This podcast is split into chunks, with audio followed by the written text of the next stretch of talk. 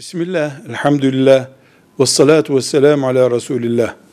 Böyle bir eldiven, domuz derisinden imal edilmiş olsa veya mesela parmakları daha kolay kullanılıyor, daha pratik, deriye daha kolay yapışılıyor, yapışıyor diye domuz derisinden yapılmış olsa bunu kullanmak Müslüman için caiz değildir.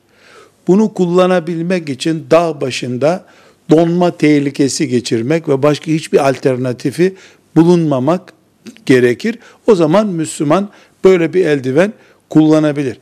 Domuzdan yapılmış hiçbir şeyi dinimiz helal etmemiştir.